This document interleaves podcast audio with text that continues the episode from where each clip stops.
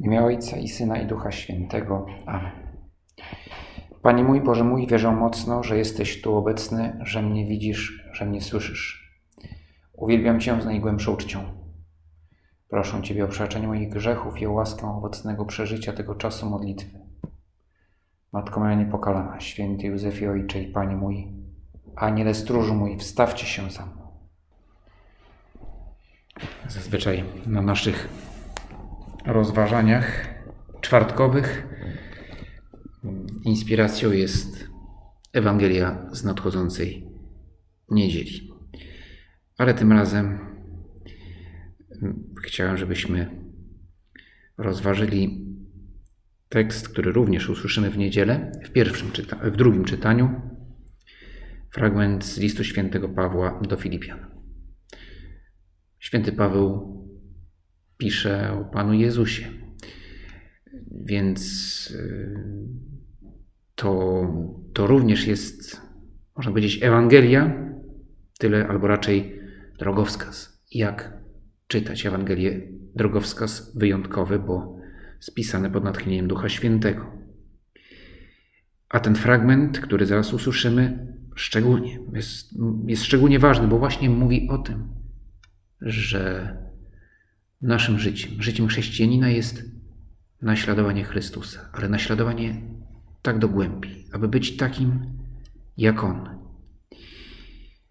Jeśli więc jest jakieś napomnienie w Chrystusie, jeśli jakaś moc przekonująca miłości, jeśli jakiś udział w duchu, jeśli jakieś serdeczne współczucie, dopełnijcie mojej radości przez to, że będziecie mieli te same dążenia, tę samą miłość i wspólnego ducha, pragnąc tylko jednego, a niczego nie pragnąc dla niewłaściwego współzawodnictwa, ani dla próżnej chwały, lecz w pokorze, oceniając jedni drugich za wyżej stojących od siebie. Niech każdy ma na oku nie tylko swoje własne sprawy, ale też i drugich. To dążenie niech was ożywia. Ono też było w Chrystusie Jezusie. Dopełnijcie mojej radości. Święty Paweł odkrył wiarę, spotkał Pana Jezusa i to jest jego radość, to jest źródło jego radości. Tym jest całe jego życie po nawróceniu. Ale jednak ta radość jeszcze nie jest pełna. Albo raczej, żeby była pełna, to wie, że musi się tą radością podzielić. Dopóki inni nie poznają go, radość nie będzie pełna. Więc bardzo mu zależy na tym, aby, aby ci, z którymi, z którymi ma do czynienia, aby odnaleźli w Panu Jezusie tą samą radość, którą On znalazł. I co będzie tą radością? Aby wszyscy mieli te same dążenia, pragnąc tylko jednego. Oczywiście nie chodzi o to, że święty Paweł ma jakieś takie zapędy totalitarne, równość rozumiana, że wszystkich zrównać, przyjdzie walec i wyrówna, i wszyscy mają to samo myśleć, tak samo czuć i, i być tacy sami. No, oczywiście Paweł świetnie wie, że, że Bóg każdego z nas stworzył i o tym pisze jako swoje dziecko, a każde dziecko jest inne. Więc nie o takie wyrównanie chodzi, ale o to, aby wszyscy odkryli, co jest najważniejsze.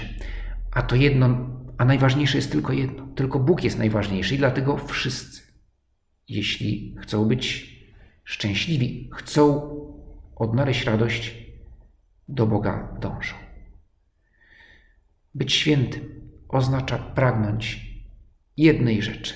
Tak pisze Kierkegaard. I być może właśnie inspirowany tym tekstem świętego Pawła. Ale czym jest ta jedna rzecz, która sprawia, że kiedy jej pragnę, to, to staje się święty? O tym dokładniej jest mowa w dalszej części listu. Wypełnić z miłości wolę Boga Ojca, tak jak wypełnia ją Bóg Syn, który stał się człowiekiem. Bóg, który stał się człowiekiem, czyli Pan Jezus. I najpełniejszą definicją chrześcijanina jest właśnie ta, ten, który naśladuje Chrystusa. Żebyśmy mieli w sobie te same dążenia. Co on? Oczywiście uznając w nim Boga człowieka, inaczej to by nie miało sensu. Bo tylko wtedy, kiedy, kiedy, dopiero wtedy, kiedy wiem, że to nie jest tylko człowiek, jest możliwe, aby on napełnił sobą mnie. Jakaś postać, którą naśladuję, która jest moim jakimś autorytetem, no nie staje się, nie wejdzie we mnie, nie staje się częścią mnie. A Bóg nie to, że staje się częścią mnie, ale mieszka we mnie, chce we mnie mieszkać, chce mnie ożywiać. No ale pojawia się pytanie bardzo praktyczne. Dobrze, ale jak? Jak mam naśladować Pana Jezusa? Szczególnie, że no, żył 2000 lat temu, w innych okolicznościach, w innych warunkach. Co mi Pan Jezus może poradzić na przykład w kwestii korzystania z portalów społecznościowych, w których wiele osób spędza połowę swego życia, a Pan Jezus nie spędził nawet sekundy swego życia w portalu społecznościowym. To cóż może nam powiedzieć? Rzeczywiście, Ewangelia to nie jest e, taki podręcznik składający się z kazusów i z procedur. Co robić wtedy i wtedy? Dokładnie. Oczywiście są takie miejsca, gdzie możemy powiedzieć jasno: Pan Jezus postąpiłby tak, i ja też chcę tak postąpić. Bo wiem, bo znam jego, jego historię. Ale na ogół raczej będzie to przyglądanie się temu, kim Pan, jak Pan Jezus działał. I, I przyłożenie tego do mojego życia. Wierząc, że, że Ty, Panie Jezu, stając się człowiekiem, stając się jednym z nas, dajesz nam drogowskaz, który jest aktualny zawsze, nie tylko 2000 lat temu, ale i dzisiaj. Ale to naśladowanie nie oznacza właśnie, że mam dokładną wskazówkę, co mam zrobić w, danym, w danych okolicznościach.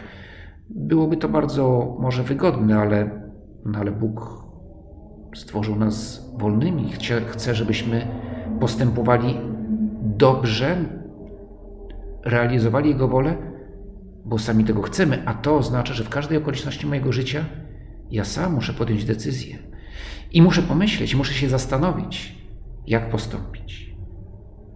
Patrząc oczywiście na ten wzór, który, który Ty, Boże, stając się człowiekiem, nam dałeś. Naśladować Ciebie, Panie Jezu, oznacza mieć te same dążenia, te same pragnienia, które wypełniały Ciebie. To mówi święty Paweł. Starać się, aby moja wewnętrzna postawa wobec Boga, wobec świata i wobec bliźnich była taka jak Pana Jezusa. A możliwe jest to tylko z Nim. Bez Niego to się nie da. To się nazywa łaska. Działanie Boga w nas. Bez tego nie jesteśmy w stanie wypełnić się tymi pragnieniami, dążeniami Pana Jezusa. I co Paweł nam mówi, co jest istotą tej postawy, tych dążeń? Wypełnienie woli Boga, tak, ale od czego zacząć? Ana mówi o pokorze. ten fragment jest wezwaniem do pokory. I mówi, co może być zdumiewające, ale że właśnie Ty, Panie Jezu, Ty, który jesteś Bogiem, stając się człowiekiem, żyjesz pokorą. Jesteś pokorny. To jest najtrudniejsza z cnót. Pokora. Dlaczego? Dlatego, że innych cnót na ogół jednak pragniemy. No co najmniej, jeżeli mamy wszystko dobrze poustawione w głowie, to na przykład chcę być pracowity. Nawet jeśli jestem leniem, to ogólnie co najmniej wydaje mi się, że byłoby dobrze, gdyby był pracowity. Chciałbym być miły dla innych. Mogę być gburem, nieprzyjemnym, odstręczającym, ale gdyby ktoś mi uświadomi, że to jest, że to jest słabe, to wówczas co najmniej pragnę tego, aby być, aby być dobrze traktować moich bliźnich. Wytrwałość, inna cnota. Choćby, choćby mi brakowało wytrwałości w, w, w każdym moim działaniu, to jednak chciałbym być wytrwały. Ale z pokorą jest trudniej, bo bardzo często po prostu nie tylko, że nie jestem pokorny, wcale nie chcę być pokorny. Że coś się we mnie kłóci, wręcz mnie irytuje. Mówią, żebym był pokorny. No nie. Ja nie chcę być pokorny. Ja chcę być sobą. Nie mówcie mi, co mam robić. Pokora to nie dla mnie. Każda inna cnota tak, ale pokora nie. Strasznie trudno jest chcieć być pokornym. Dla pocieszenia można dodać, że kiedy już się chce być pokornym, to wtedy jest o wiele łatwiej. Ale najpierw trzeba chcieć. I właśnie do tego, do tego wzywa nas, zachęca święty Paweł. Bo pokora to warunek miłości. Aby kochać, trzeba być pokornym. Niczego nie pragnąc dla niewłaściwego współzawodnictwa, ani dla próżnej chwały. Próżna chwała.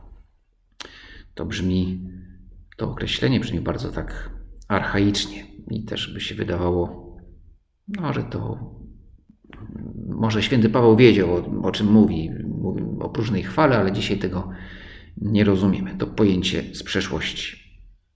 No oczywiście samo określenie może jest rzecz, rzadko używane, ale rzeczywistość jest dokładnie taka jak w czasach świętego Pawła. Inaczej tylko to nazywamy. Na przykład dzisiaj raczej nie mówi się o próżnej chwale, ale o chorobliwej ambicji. I ktoś jest chorobliwie ambitny. Może nie jest to dokładnie to samo, co próżna chwała, ale, ale ma wiele wspólnego. Chorobliwa ambicja, która wyraża się na przykład w czymś, co trochę kolokwialnie nazywa się parciem na szkło. Ktoś bardzo chce być widoczny. Na szkle, to znaczy konkretnie na ekranie. I prze do, tego, aby go widzieli. No, ktoś powie, dobrze, ale to nie jest mój problem. To jest problem celebrytów, problem polityków, problem czasami księży. W mojej grupie zawodowej taka pokusa parcia na szkło jest, jest obecna. Ale ja, prosta studentka trzeciego roku, nie pcham się na szkło. Ja sobie tutaj spokojnie żyję, studiuję. Studiuję w nowych warunkach. To znaczy, nawet się nie będę pokazywać na uczelni, bo nikt tego ode mnie nie wymaga, wręcz przeciwnie. Zdaje się, że ten rok będzie bardzo rokiem bardzo dziwnych studiów. No, szkło będzie tak, bo wszystko będzie przez szkło, przez, przez ekrany, ale, ale to tylko w takim znaczeniu. To ja nawet się, nawet nie będę się paru na szkło, nie będę paru na szkło, bo w czasie wykładów nawet niespecjalnie mam ochotę, żeby widzieli, co ja robię, bo na przykład akurat leżę w łóżku albo, albo śpię, także tutaj nie ma żadnego parcia na szkło. Proszę się nie, nie obawiać, nie ma mowy o próżnej chwale. No dobrze, to teraz pomyślmy o takiej rzeczywistości, z którą pewnie no, mamy do czynienia, mianowicie nasza aktywność w, w sieci, konkretnie wpisy, wpisy, różnorakie wpisy na, na WhatsAppie, na jakimś tam portalu społecznościowym, na tym się, czy ktoś to już przeczytał? Czy ktoś zareagował?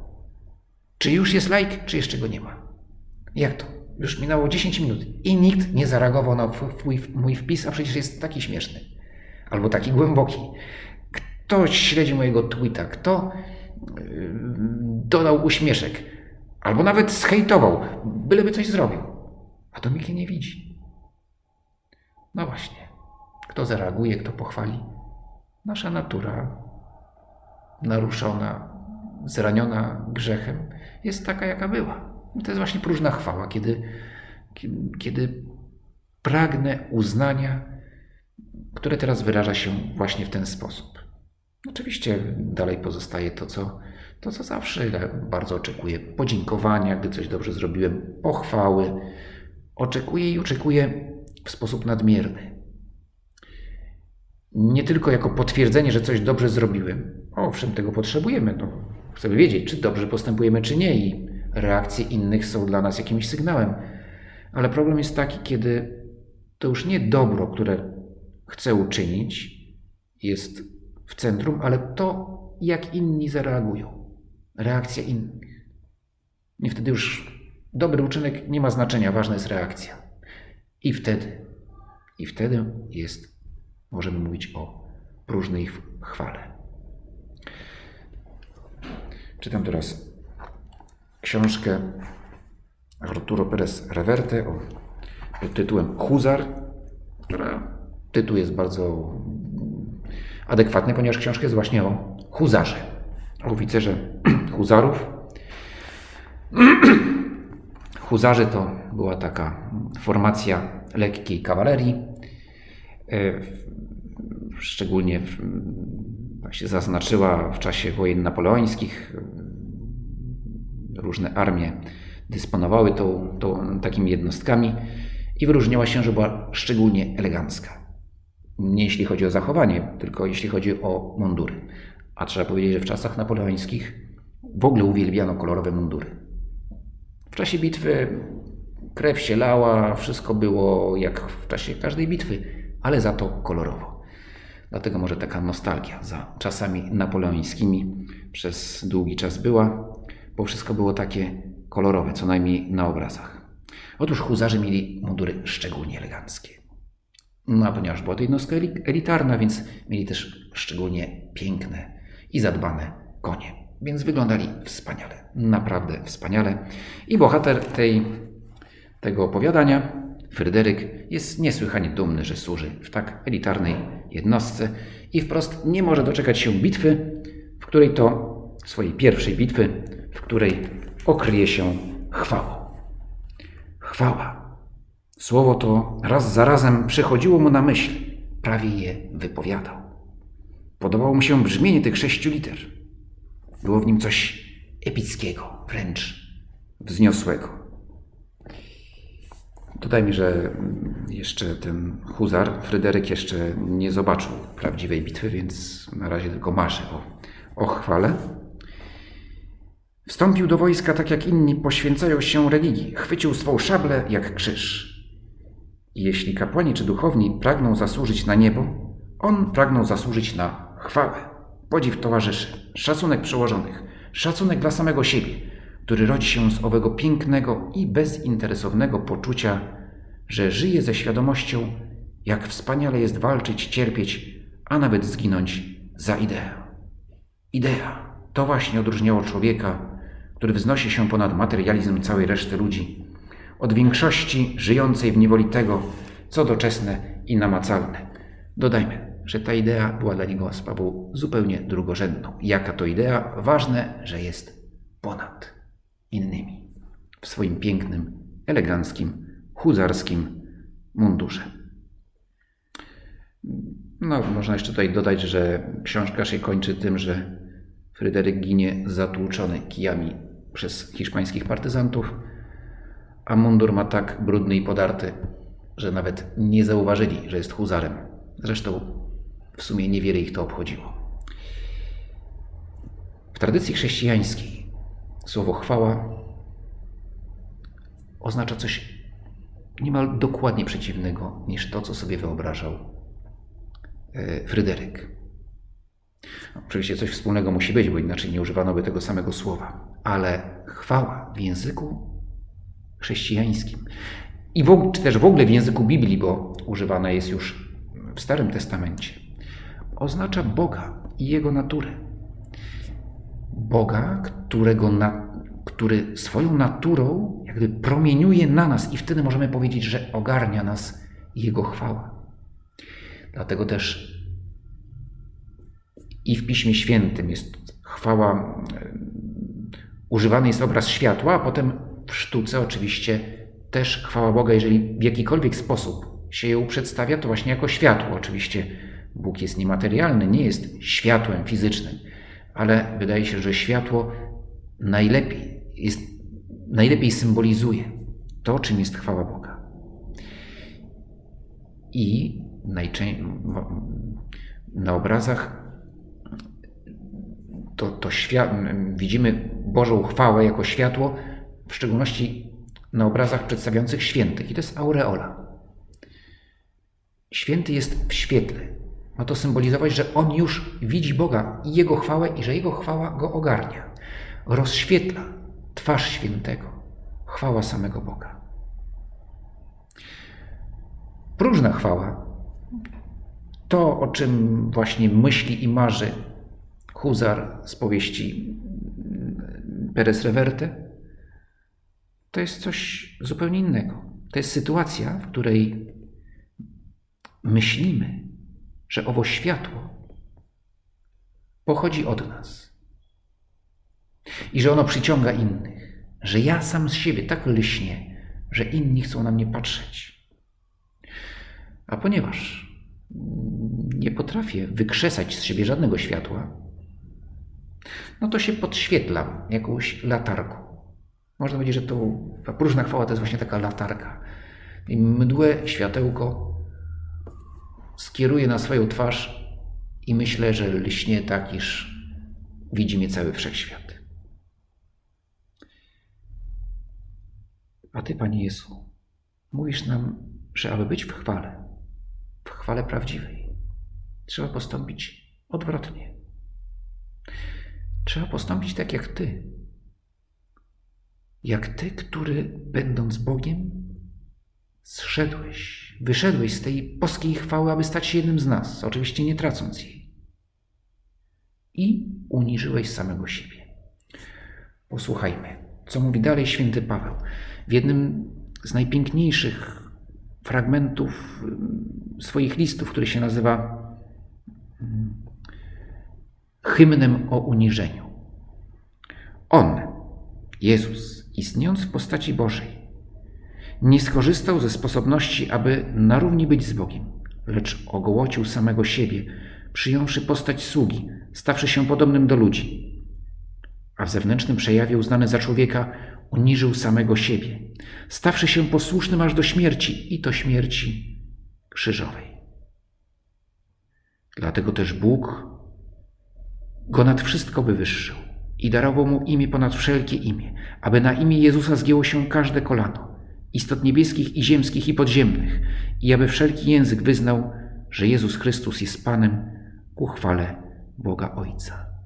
Uniżenie, którego ostatecznym wyrazem jest krzyż. I właśnie to uniżenie sprawia, że chwała Boża w Panu Jezusie rozświetla się w całej pełni. To jest droga do chwały. Uniżenie, abym wszystko, abym pozwolił się wypełnić światłem Boga. I Pan Jezus, przyjmując ludzką naturę, właśnie to czyni. I wskazuje nam drogę.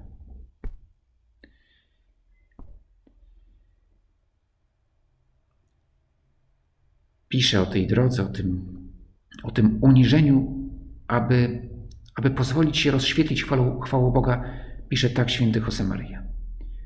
Chcielibyśmy uwiecznić szczęśliwe chwile naszego życia. Pragnęlibyśmy, aby pamięć o nas była chwalebna. To są naturalne nasze pragnienia. One same w sobie nie są złe, ale trzeba je dobrze ukierunkować. Chcielibyśmy, by nasze ideały pozostały nieśmiertelne. Dlatego w chwilach pozornego szczęścia, w obliczu czegoś, co nas pociesza w naszej bezradności, wszyscy naturalnie mówimy i pragniemy na zawsze, na zawsze. Jak przebiegły jest szatan, jak dobrze zna ludzkie serce. Będziecie jak bogowie, powiedział pierwszym rodzicom. Było to okrutne oszustwo. Właśnie szukanie próżnej chwały w samym sobie, że ja będę Bogiem, będę źródłem tego światła. Otóż nie. Święty Paweł w liście do Filipian naucza nas boskiej tajemnicy, jak osiągnąć nieśmiertelność i chwałę. Jezus ogłocił się, stawszy się posłusznym aż do śmierci i to śmierci krzyżowej. Dlatego też Bóg go nad wszystko wywyższył i darował mu imię nad wszelkie imię. Dobrze, ale jak ten program tak szaleńczy, jak go zrealizować? Szaleńczy, bo wydaje nam się nieosiągalny dla nikogo, tylko dla Ciebie, Panie Jezu. Ale my jak możemy? Jak to przełożyć na codzienność? Otóż święty Paweł mówi o tym w tym fragmencie, który, od którego zaczęliśmy nasze rozważanie. W pokorze oceniając jedni drugich za wyżej stojących od siebie, niczego nie pragnąc dla siebie, ale myśląc o innych. To nie oznacza braku szacunku wobec siebie, braku miłości, dobrze rozumianej miłości własnej. To oznacza, że innych szanuję, że innych cenię. Nawet wtedy, gdy w jakiejś sprawie jestem obiektywnie lepszy, to i tak patrzę na innych z szacunkiem.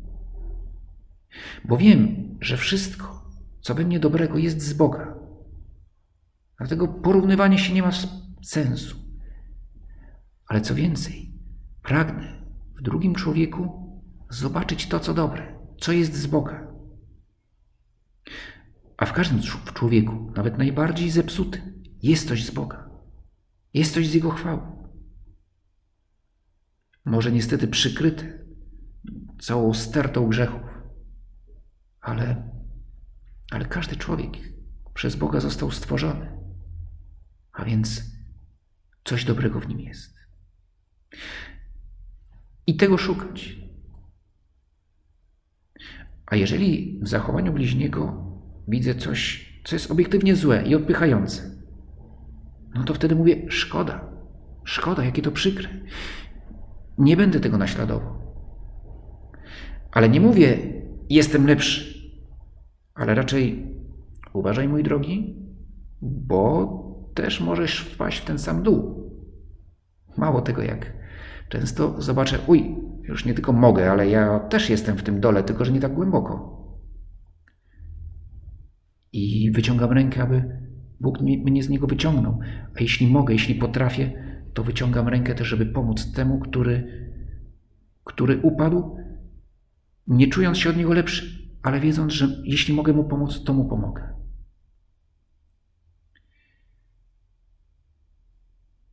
W pokorze, oceniając jedni drugich, za wyżej stojących od siebie. Słowa Maryi w chwili zwiastowania. Oto ja, służebnica Pańska. Słowa pełne pokory, autentycznej pokory. Ona nie czuje się królową, panią.